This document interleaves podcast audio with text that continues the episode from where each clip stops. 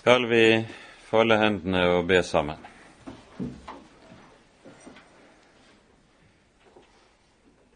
Kjære gode Herre, Hellige Far. Så takker og lover vi deg på ny at vi skal få komme sammen i ditt hellige navn. Takk, Herre, du som er nådens kilde, at hos deg er forlatelsen fordi du har sendt Jesus, at han skal være vår frelser. Takk, Herre Jesus, at du ga deg selv for vår skyld. Du var villig, Herre, til å bære alle omkostninger ved vår frelse. Takk, Herre, for evangeliet om deg, og at i dette evangelium så skal vi få lov til å eie alt vi trenger både for tid og evighet. Lær oss, Herre, å ta vare på evangeliet, og fri oss, Herre, fra å vende oss fra det.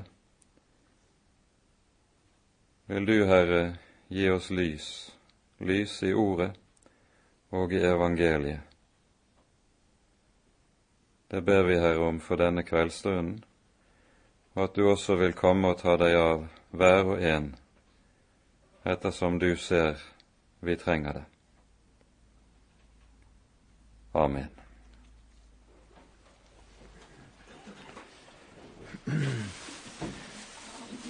Sist gang var vi altså sammen om eh, det innledende avsnittet i Romerbrevet, som strekker seg frem til og med det 17.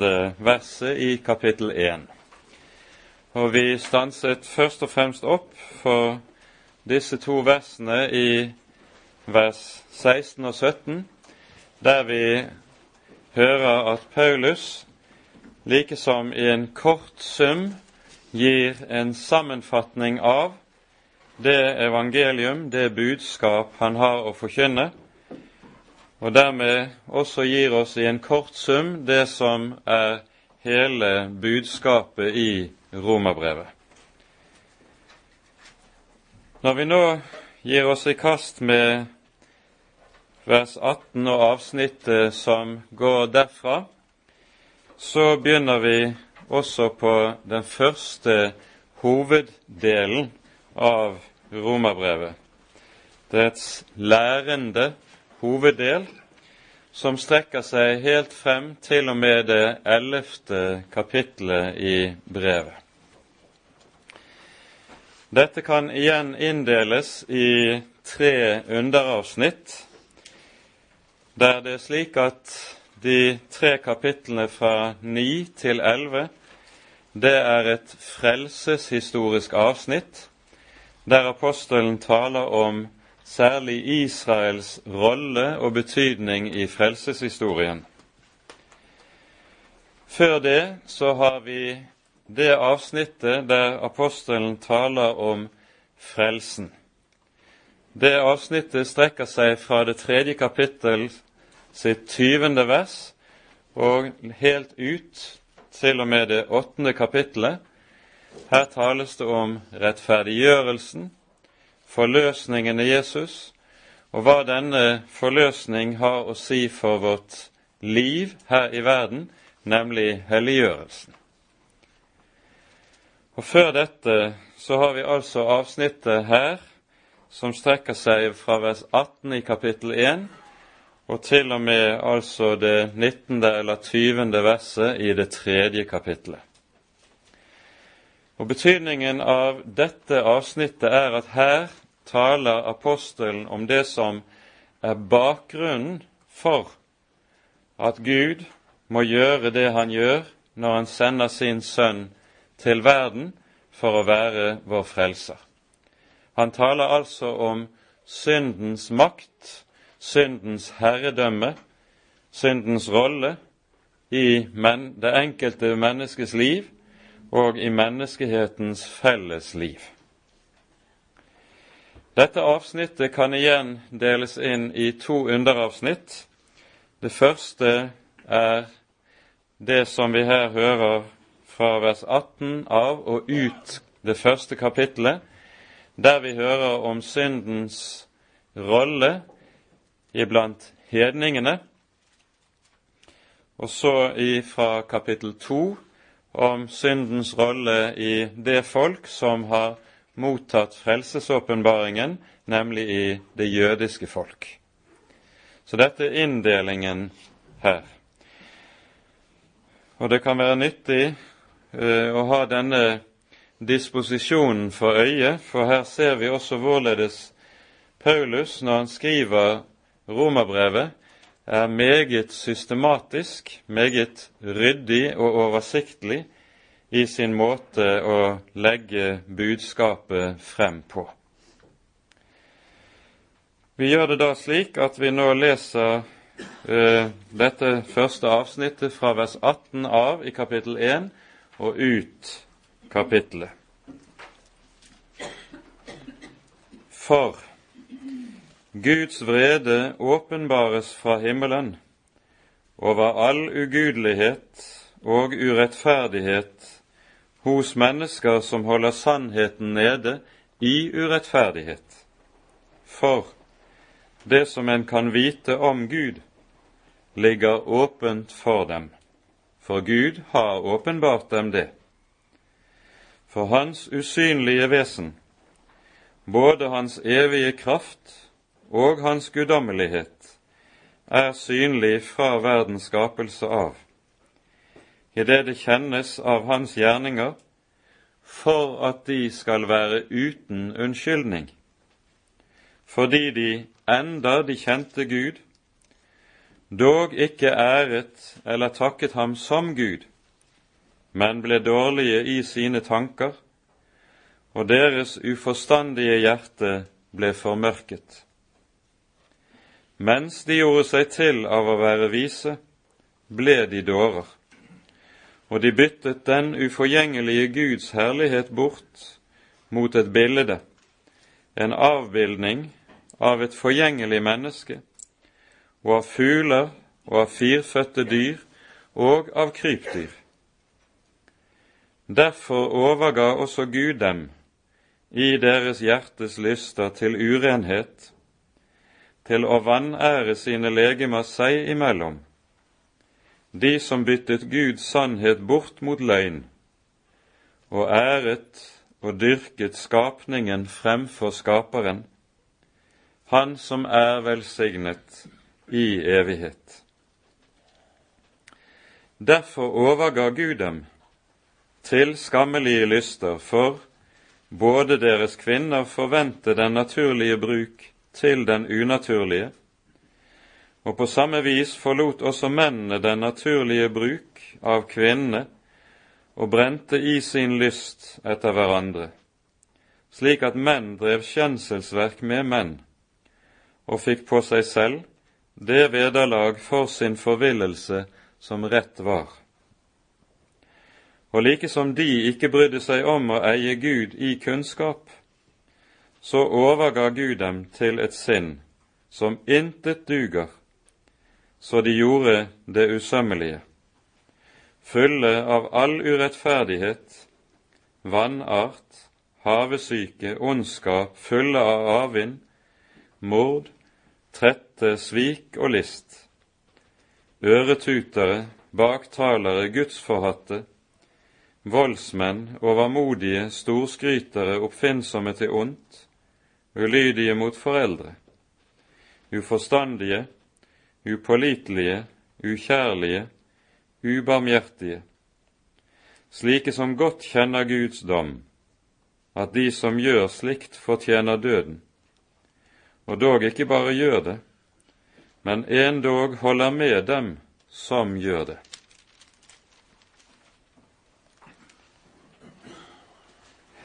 Det vi altså her hører, det er hvordan Paulus i en kort sum gir en beskrivelse av hedenskapet og de åndelige krefter som gjør at hedenskapet ytrer seg slik som det gjør.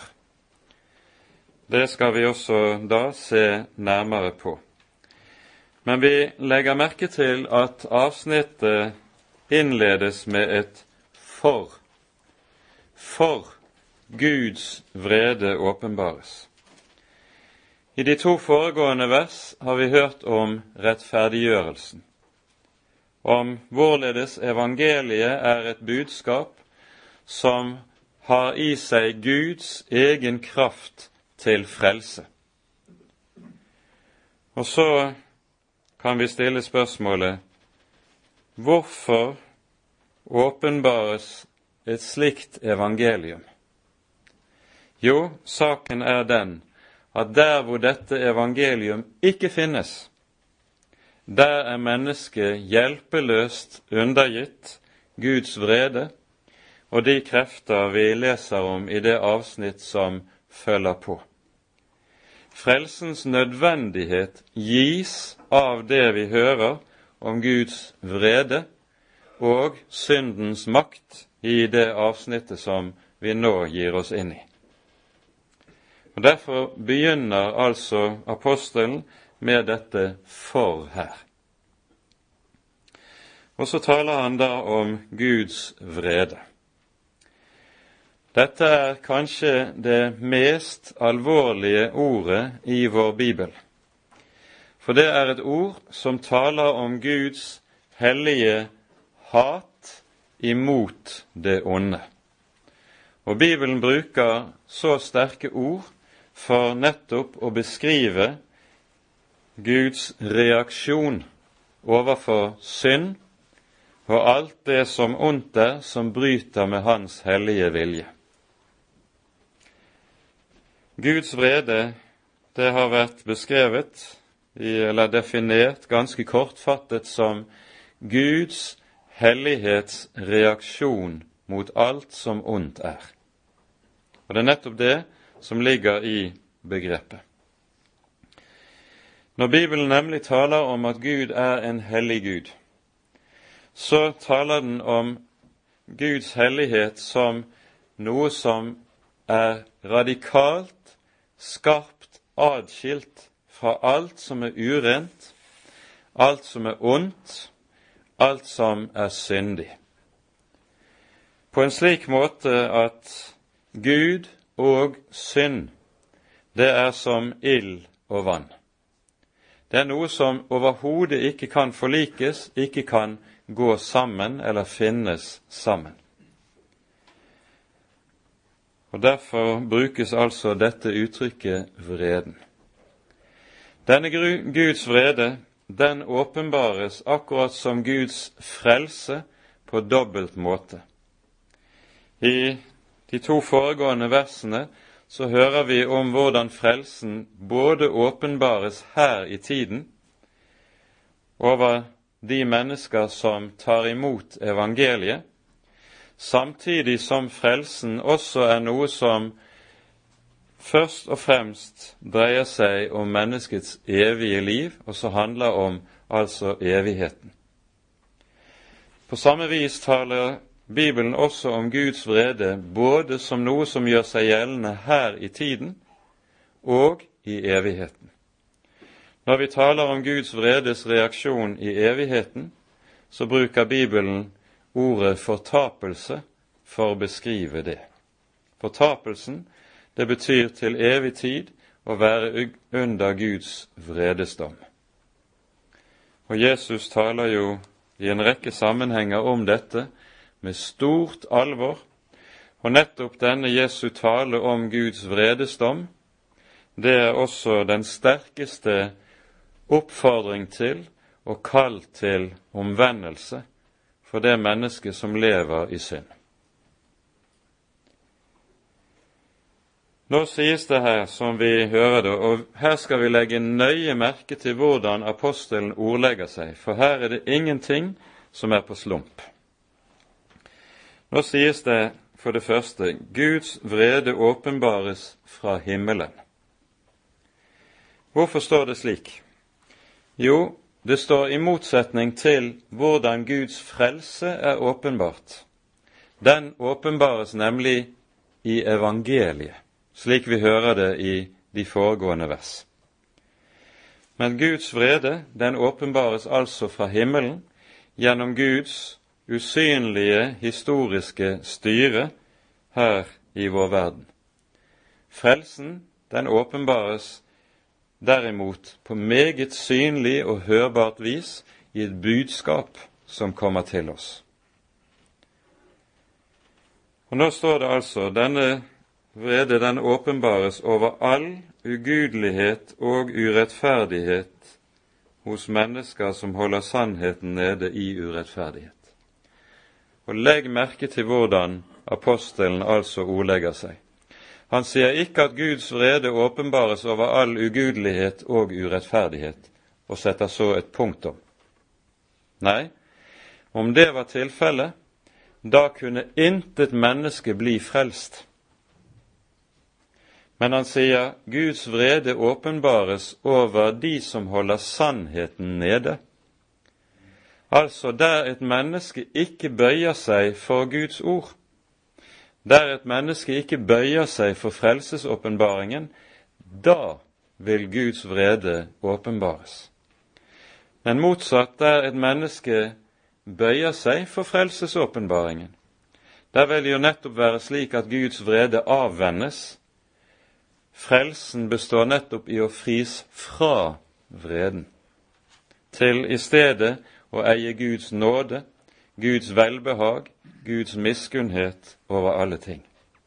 Og denne miskunnhet gjelder også over alle som er, har den samme ugudelighet og urettferdighet i sine egne hjerter som de som går fortapt. Det er ingen forskjell. Det avgjørende er altså dette ene bøyer en seg for sannheten det er det som avgjør om et menneske rammes av vreden eller får del i frelsen. Når vi hører disse to uttrykkene som her anvendes når det taler om ugudelighet og urettferdighet, så har de hver sin særlige betydning. Ugudelighet det er betegnelsen på det at et menneske lever uten Gud. Når vi bruker ordet ugudelighet, så bruker vi det vanligvis som en betegnelse på et menneske som lever i grove ytre synder. Og så sier vi at et slikt menneske er meget ugudelig. Men Bibelen anvender altså ordet annerledes. Det er en betegnelse på ethvert menneske som lever uten Gud også om det har en meget pen ytre og pyntelig fasade. Om det er meget religiøst, lever det uten Gud, så er det ugudelig uansett, slik Bibelen anvender dette begrepet.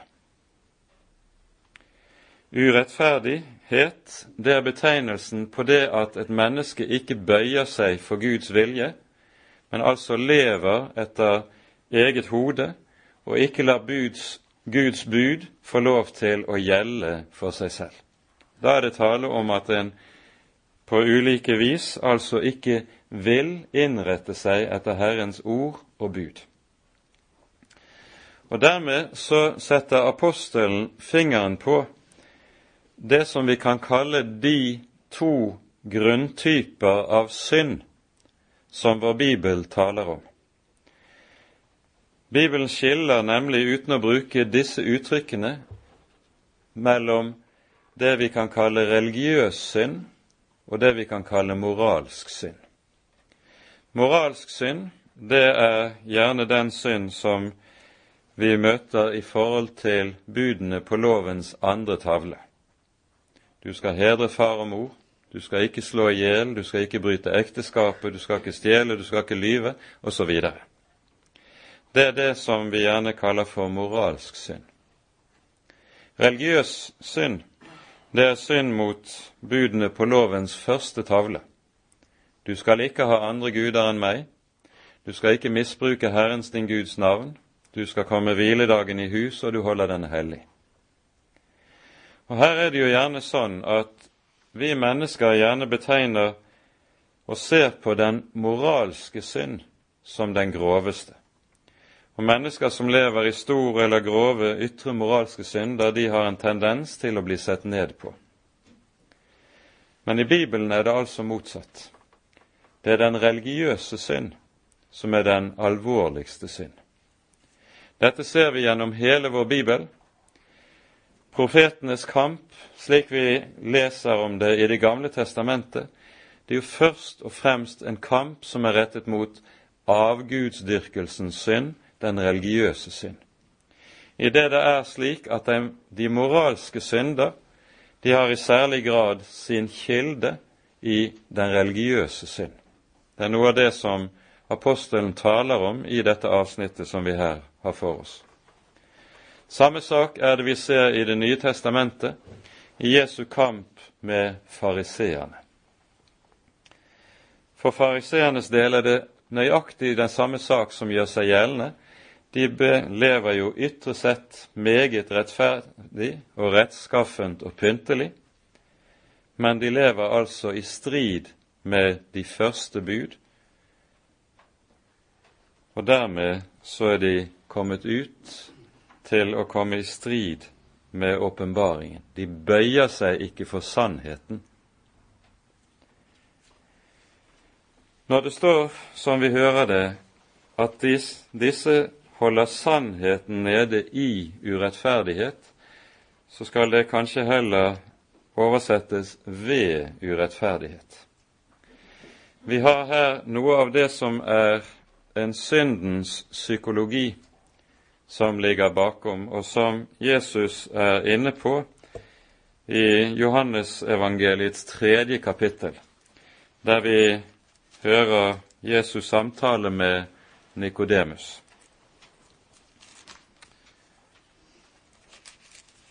Her lyder det slik i det tyvende verset i Johannes kapittel 3. Vi kan kanskje lese også vers 19. Dette er dommen, at lyset er kommet til verden, og menneskene elsket mørket fremfor lyset, for deres gjerninger var onde. For hver den som gjør ondt, han hater lyset og kommer ikke til lyset, for at hans gjerninger ikke skal bli refset. Det er altså slik at menneskene har en naturlig reaksjon i sine egne hjerter som ligger der på grunn av synden. Når Gud kommer i nærheten, så vil mennesket ganske naturlig reagere med at det vil prøve å skjule seg, skjule sine synder, fordi lyset oppleves som truende. Når det kommer inn og avslører meg, setter fingeren på de ømme punkter i mitt eget hjerte og går i rette med meg. Det tåler jeg dårlig. Og det er det dette uttrykket som vi her hører Paulus anvende, å holde, synd, holde sannheten nede i eller ved urettferdighet, sikter til. Vi har denne foreteelsen i sin urform i det vi hører om Adam og Eva i hagen etter syndefallet. Når de to etter fallet hører Gud Herren komme vandrende i hagen i den svale kveldsbrisen, da gjemmer de seg. De frykter for nettopp å møte Gud, for da må de også møte sannheten om seg selv, og det er for ubehagelig.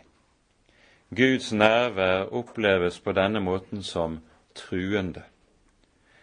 Og slik Bibelen taler om dette, dette er sannheten om det falne mennesket. Det er dette som er den grunnleggende årsak til at mennesket ikke vil ha med Gud å gjøre. Og det er denne indre motvilje som Gud må forbryte i våre liv og våre hjerter hvis Han skal få oss i tale. Det er også det som er noe av temaet senere ut i romerbrevet når vi kommer til det tredje kapittel, og vi lar det derfor ligge til da.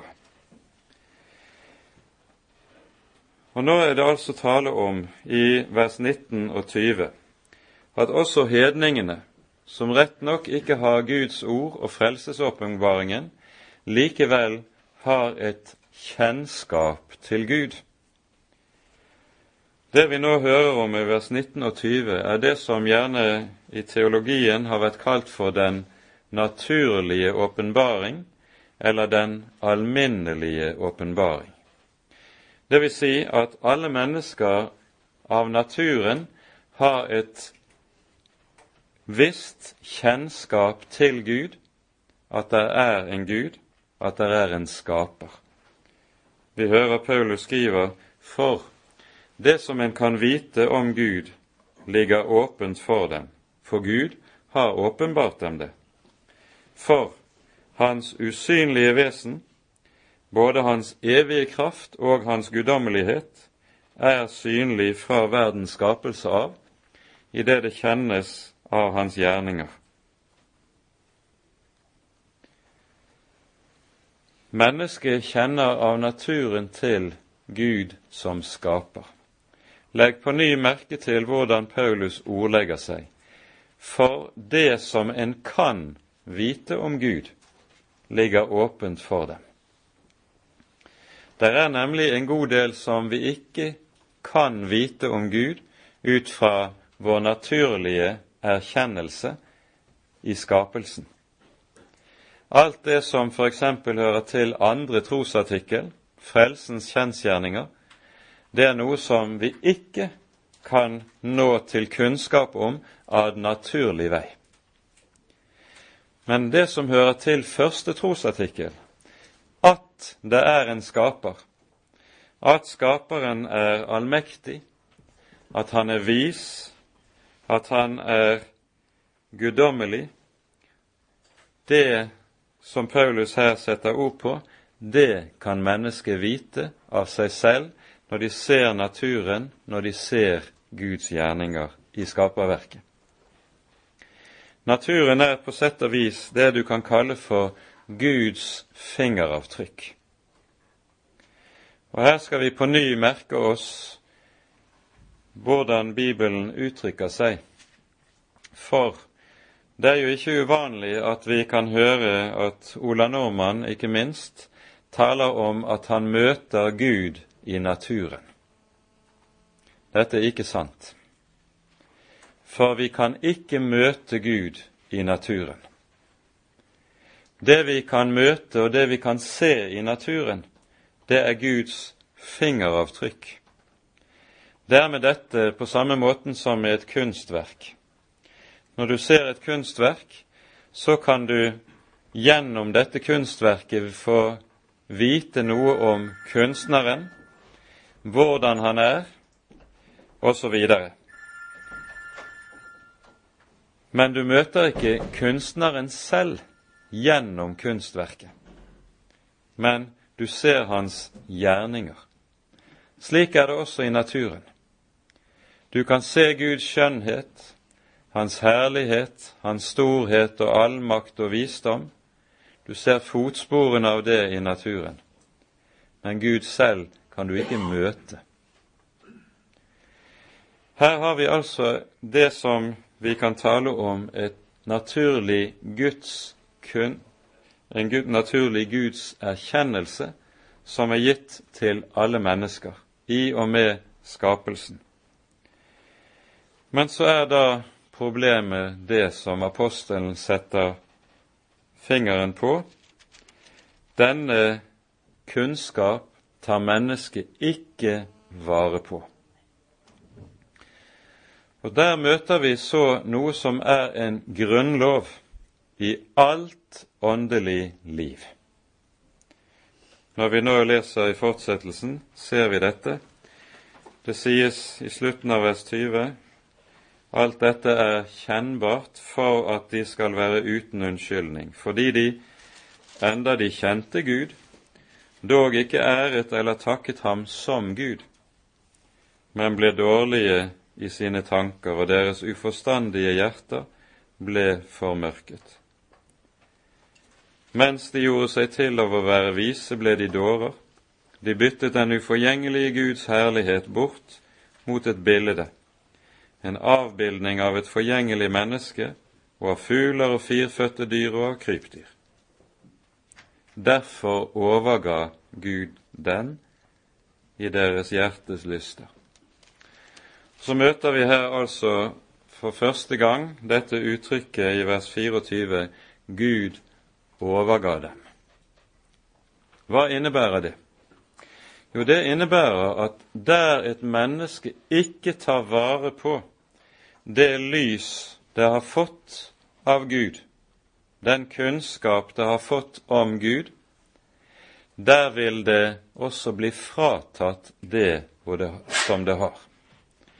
Jesus setter ord på dette i Matteusevangeliets 13. kapittel. Han sier, 'Den som har, han skal gis', men den som ikke har, han skal endog fratas det han har. Det det innebærer, det er at det å ha fått et lys fra Gud, kunnskap fra Gud, om det er aldri så lite, dersom du tar vare på dette, så vil du gradvis også få større lys. Herren vil gi deg mer lys. Og motsatt. Dersom du har fått lys fra Herren over noe, lys i Hans åpenbaring, og så ikke tar vare på det, ikke bøyer deg for det, da vil du bli fratatt endog det du har. Og det er det apostelen nå skildrer i dette. Der er en åndelig lovmessighet her som gudsåpenbaringen stiller oss ovenfor. Og Dette gjelder altså både den naturlige åpenbaringen som hedningene har i og med skaperverket, men det gjelder i enda høyere grad om frelsesåpenbaringen som vi har i og med Guds ord. Der hvor Guds ord ikke aktes, mennesker har fått det, eier det og slik kan kjenne Herren, men så avviser det så vil mørket bli desto større og desto dypere. Det er dette som er det store alvor med det som skjer i hele den vestlige kultur som felles, historisk fellesskap i vår egen tid. Vi skal komme tilbake til det etter hvert. For her er det da også slik at Jesus sier i Lukas evangeliet kapittel 12 Den som meget er gitt, av ham skal det også meget kreves. Har vi fått meget lys fra Herren i Hans ord, da forventer Herren også desto mer at dette vil få konsekvenser og følger i vårt eget liv, i vår egen erkjennelse. Bøyer vi oss ikke for det store lys, så vil det altså få den største følger for oss i negativ betydning. Og Det dette da også forteller oss, det er at det å ha med Gud å gjøre, det å ha med Guds åpenbaringen å gjøre, det er noe som aldri levner et menneske uberørt. Det vil enten føre til at et menneske blir frelst dersom det bøyer seg for det Guds ord, det lys som det får. Hvis det ikke gjør det, fører det til det motsatte, at det gradvis også vil forherdes. Det å stilles overfor åpenbaringen fra Herren, det stiller alltid overfor et avgjørende valg, et valg som avgjør tid og evighet for et menneske. Jesus sier, eller Det sies noe av det samme om Herren Jesus allerede i forbindelse med hans fødsel i Lukasevangeliets andre kapittel. Når Jesus som barn bæres til tempelet og så hører vi møtes av den gamle Simeon der, så vitner Simon om Jesusbarnet og sier:" denne er satt til fall og til oppreisning for mange i Israel. Frelsesåpenbaringen virker alltid ett av to. Det er det store alvor som ligger i det å møte Herrens ord. Det er et enten-eller i dette. Nå hører vi så at Paulus i de versene som vi nå har lest fra vers 21 av, skildrer hva som skjer i hedenskapet. Nå sies det sånn som vi hører det, når de ikke æret eller takket ham sånn Gud, ble de dårlige i sine tanker. Det uttrykket som her anvendes, det betyr at en mister evnen til å kjenne sannheten. Det er et stort alvor i det. Det å bli dårlig i sine tanker, det betyr å miste selve evnen til å kjenne sannheten. Da vil det være slik at når en går forbi den på veien, så kjenner en den ikke igjen, og en går forbi den som om den var ingenting var verd. Og dette er det som også sier noe om det vi av og til kan høre mennesker si om seg selv, at alle Mennesker vil jo gjerne rose seg av at de søker sannheten. Det er ikke sant etter Guds ord. Er det noe det falne mennesket mer enn noe vil unngå å finne, så er det sannheten. Sannheten om Gud, sannheten om seg selv. Det er for ubehagelig. Og så står det altså her at de ble dårlige i sine tanker. En kjenner ikke sannheten, en er ikke i stand til å kjenne sannheten, og en vil ikke, en ønsker ikke å kjenne sannheten heller. Og så blir det i stedet slik at en snur alle ting på hodet, for når man lever i løgnen, så gjør en lys til mørke, godt til ondt, sannhet til usannhet, vanhellighet til hellighet. Alt snus på hodet og blir følgen av dette. Det skjer altså noe radikalt med menneskets erkjennelsesliv når det vender sannheten ryggen og ikke vil bøye seg for den. Og dette gjør mennesket samtidig på en slik måte at de blir meget selvbevisste. Mens de gjorde seg til av å være vise, ble de dårer. Dette uttrykket dåre, det har en særlig betydning i vår bibel. I vanlig språkbruk tidligere, i hvert fall er jo et ord som ikke anvendes i dagligtale lenger, så betydde det rett og slett det at en var, hadde litt mangelfullt utviklede sjelsevner. Ordet dåre betyr i Bibelen det at en ikke vil erkjenne at det er en Gud som jeg også står til ansvar for. Dette er formulert flere ganger i vår bibel. Salme 14 innledes slik. Dåren sier i sitt hjerte, det finnes ingen Gud. Men nettopp det mennesket som sier det finnes ingen Gud, det er ingen som roser seg så sterkt av å være klok, av å være intelligent, av å være høyt utviklet kunnskapsmessig og i vitenskap som nettopp de. Vi har jo eksempelvis nå den bølge, den ser vi i store deler av den vestlige verden, som kalles for den nye ateismen som gjør seg gjeldende.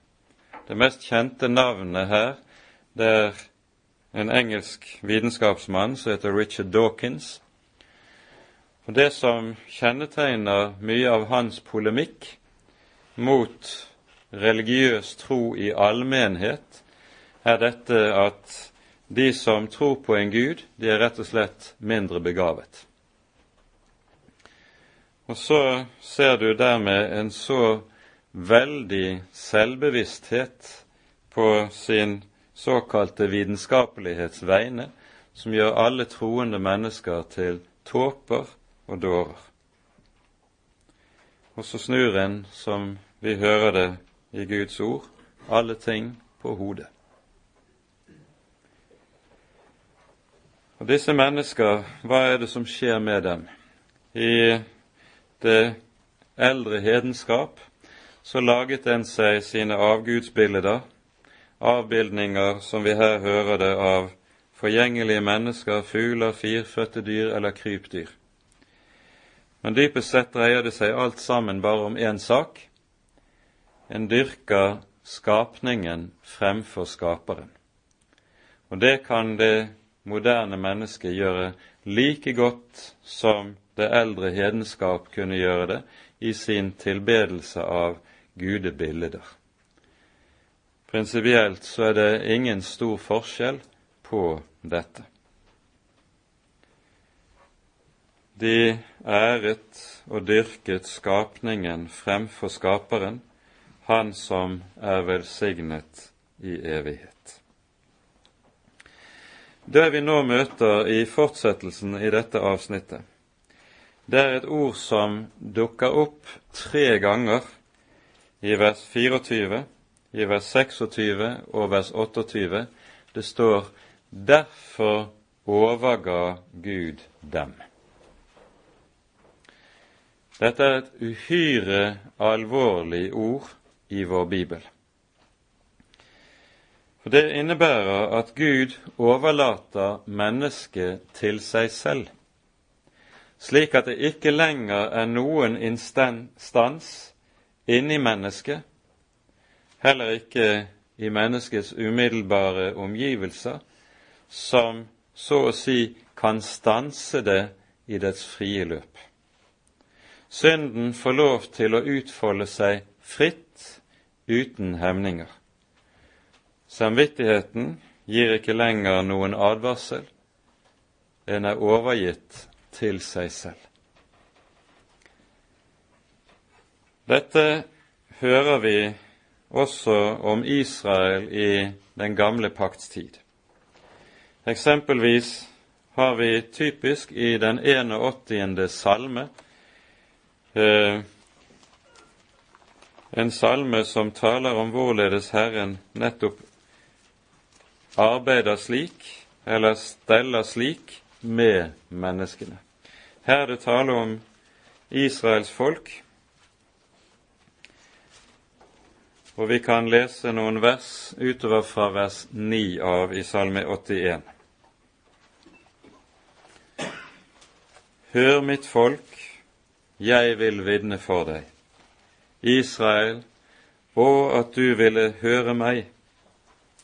Det skal ikke være noen fremmed Gud hos deg og du skal ikke tilbe utlendingens Gud. Jeg er Herren din Gud, som førte deg opp fra Egyptens land. Lukk din munn vidt opp, at jeg kan fylle den. Men mitt folk hørte ikke min røst, og Israel ville ikke lyde meg. Så lot jeg dem fare i sitt hjertes hårhet for at de skulle vandre i sine egne onde råd. Det vi hører i vers 12, det er, står egentlig mye sterkere i grunnteksten. Det står først 'Mitt folk hørte ikke min røst', og deretter 'Israel hadde ikke lyst til meg'. Israel hadde nærmest fått avsky for sin egen Gud og for sin egen frelser. Og så står det så lot jeg dem fare i sitt hjertes hårhet. Poenget her er at da lar Gud mennesket vandre i sine egne onde råd. Dette oppleves rent subjektivt for mennesker som har det slik som at nå kan jeg endelig få gjøre sånn som jeg vil. Nå er jeg endelig fri. Det er ingen Gud som setter bånd på meg. Der er ingen samvittighet som hemmer meg. Endelig er jeg fri. Subjektivt oppleves altså det å bli overgitt av Gud som frihet.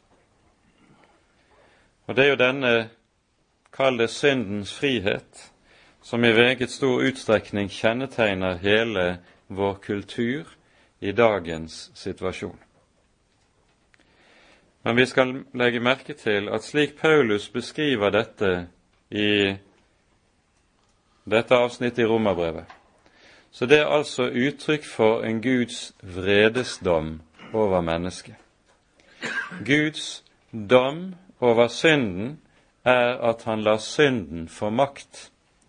Gud straffer synden med synd, for å formulere det slik.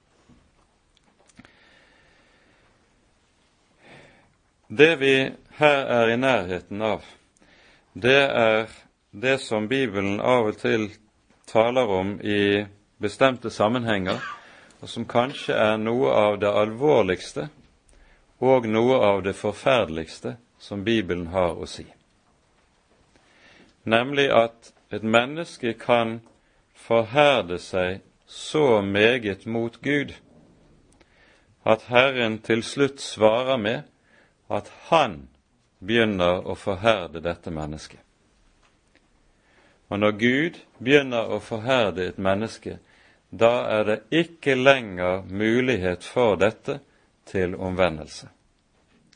Vi har noen eksempler på dette i vår bibel.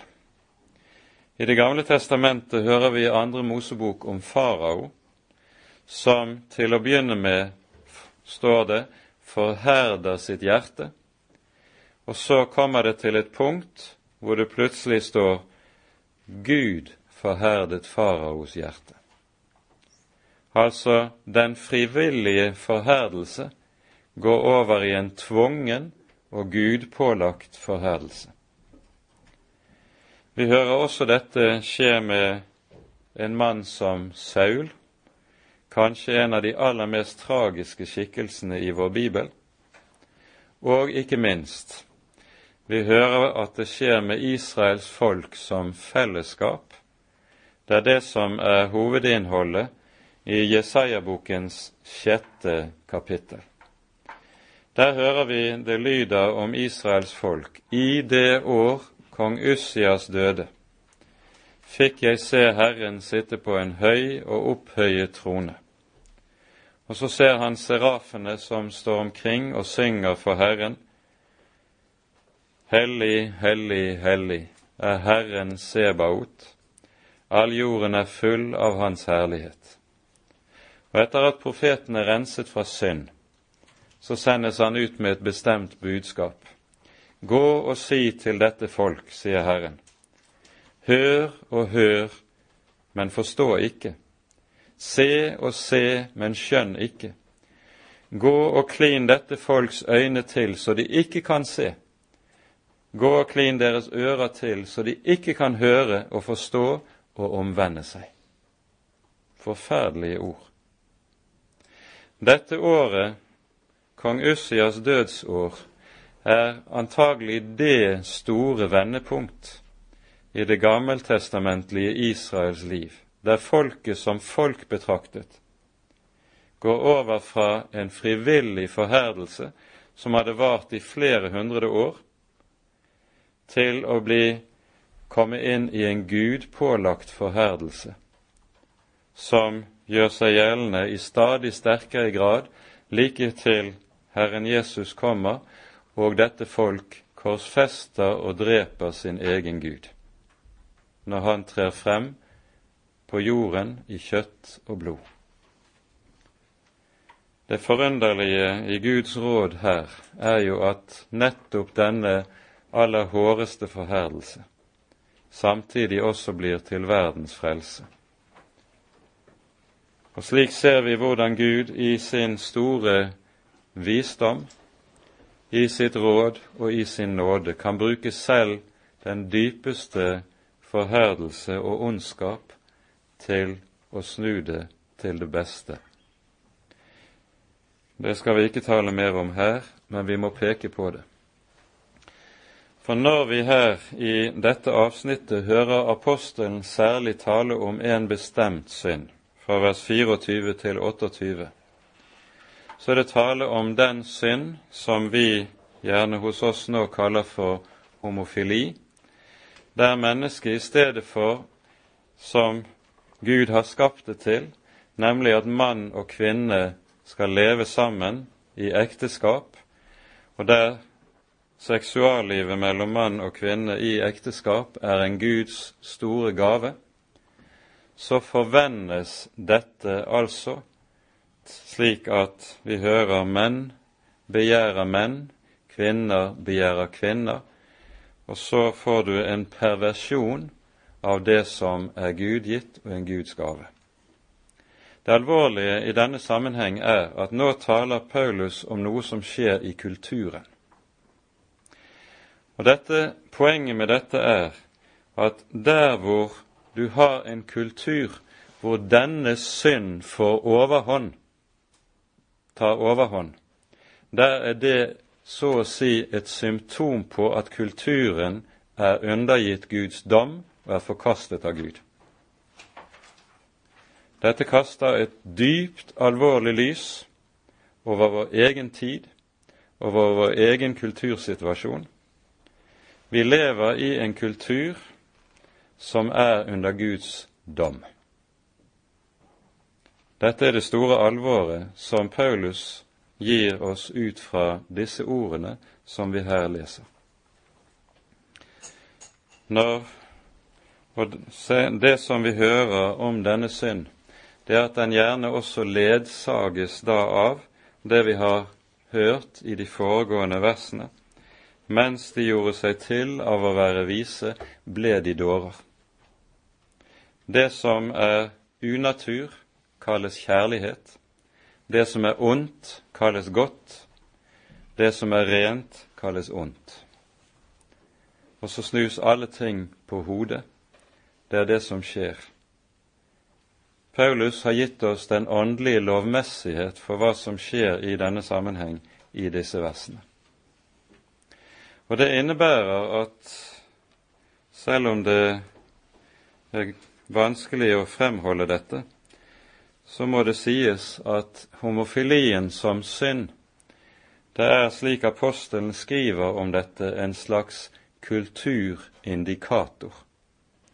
Et barometer som lærer oss noe om hvorledes Gud ser på og bedømmer kulturen. Det er det store alvor i dette, og vi kan ikke komme bort fra apostelens ord i denne sammenheng. Nå begrenser apostelen seg her ikke til bare til dette. Hvis vi nå går videre til vers 28, så ser vi i forlengelsen av dette, like som de ikke brydde seg om å eie Gud i kunnskap, så overga Gud dem til et sinn som intet duger, så de gjorde det usømmelige.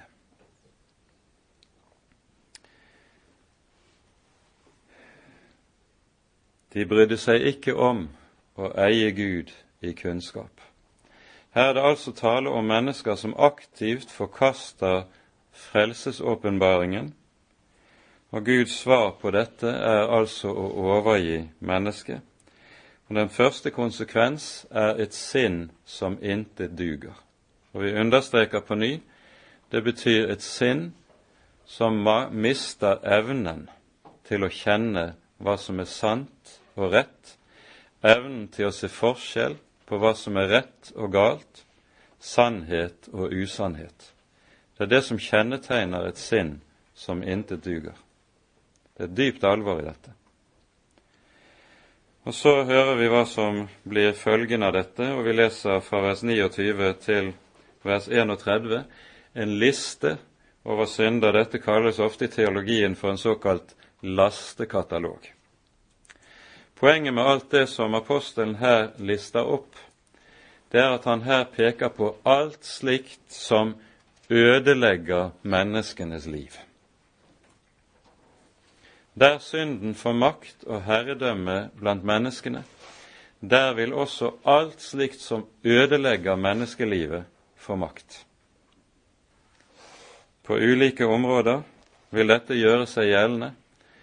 Det mest avgjørende området er jo nettopp det som foregår i hjem, i ekteskap og i samliv.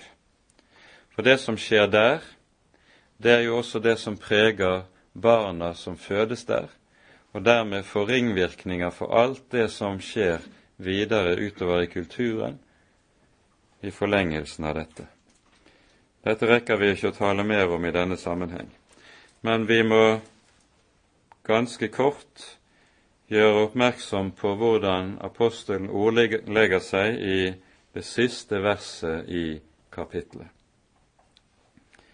Slike som godt kjenner Guds dom, at de som gjør slikt, fortjener døden. Og dog ikke bare gjør det, men endog holder med dem som gjør det. Her sies det først at, om Guds dom at de som gjør slikt, fortjener døden. Når Bibelen taler slik, så peker den på, tilbake på det som er Grunnloven, som var gitt allerede før syndefallet. Adam og Eva fikk høre 'dersom du eter av treet, da skal du visselig dø'. Syndens lønn er døden. Det er en grunnlov etter Guds ord.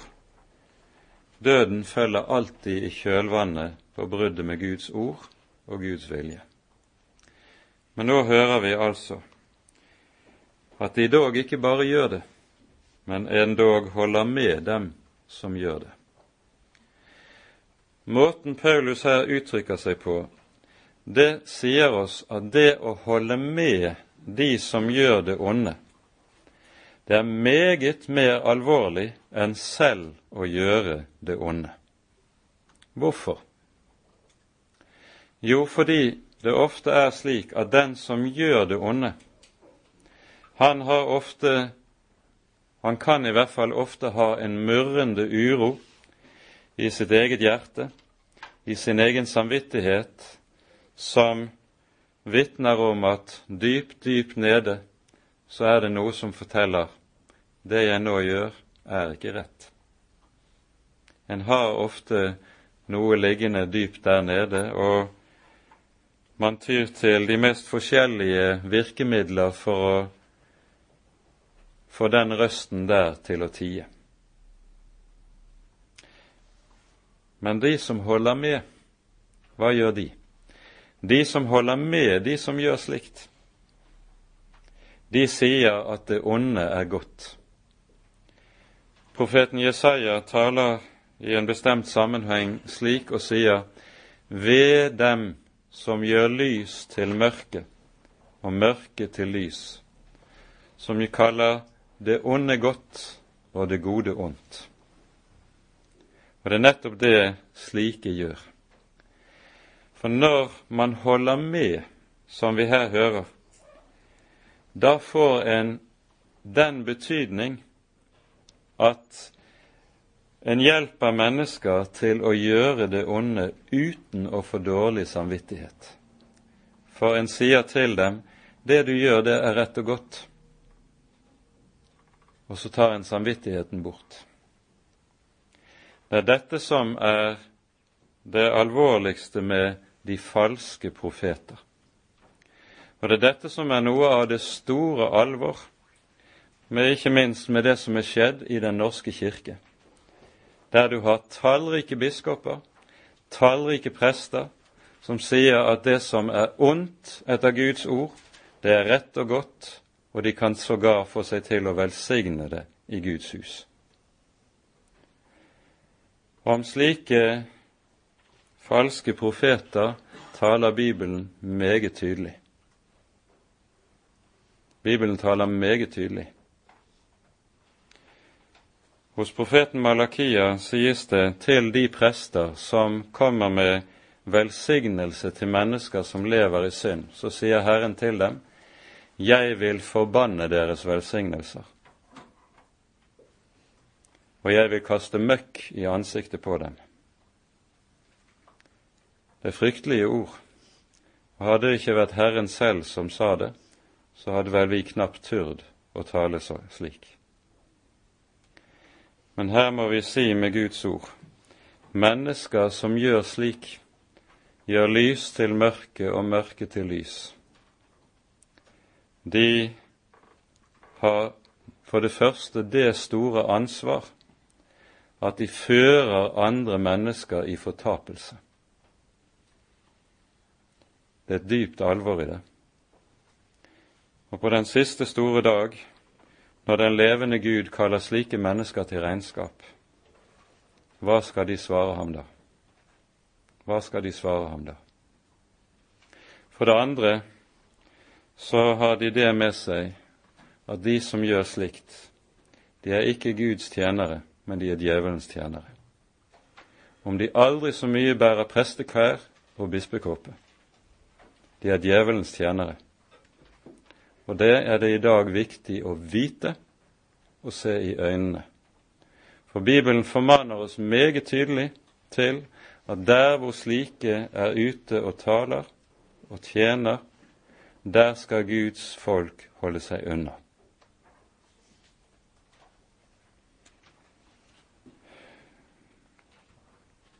Når apostelen taler sånn som han her gjør, så legges det altså et stort evighetsalvor inn over forholdet til disse ting. Samtidig som det også kastes et skarpt lys inn over vår egen tid, over vår egen situasjon. Og jeg tror ikke vi skal vike unna det å se det i øynene. For når Bibelen taler om å våke, hva betyr det? Motsetningen er jo det å sove.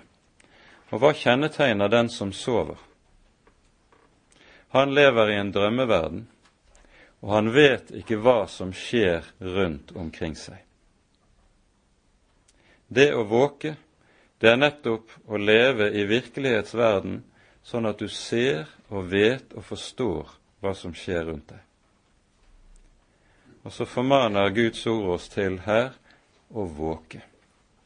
Våk, sier Herren Jesus, la deres lamper være tent og deres lender være ombundet. For her er det jo også slik at den forførelse som på denne måten gjør seg gjeldende, den har den makt med seg at den har en slags, det er et slags dragsug i det, som er slik at hvis man ikke er bevisst våken, da blir man meget fort dratt med strømmen. Og da ser det ikke lyst ut. Dagens bibeltime det er altså ikke en bibeltime som er oppbyggelig i vanlig forstand. Det er en bibeltime som taler om en åndelig lovmessighet som ligger i forhold til hva Guds ord sier om syndens dynamikk. Den dynamikk som gjør seg gjeldende når mennesker begynner å leke med sannheten i stedet for å bøye seg for sannheten.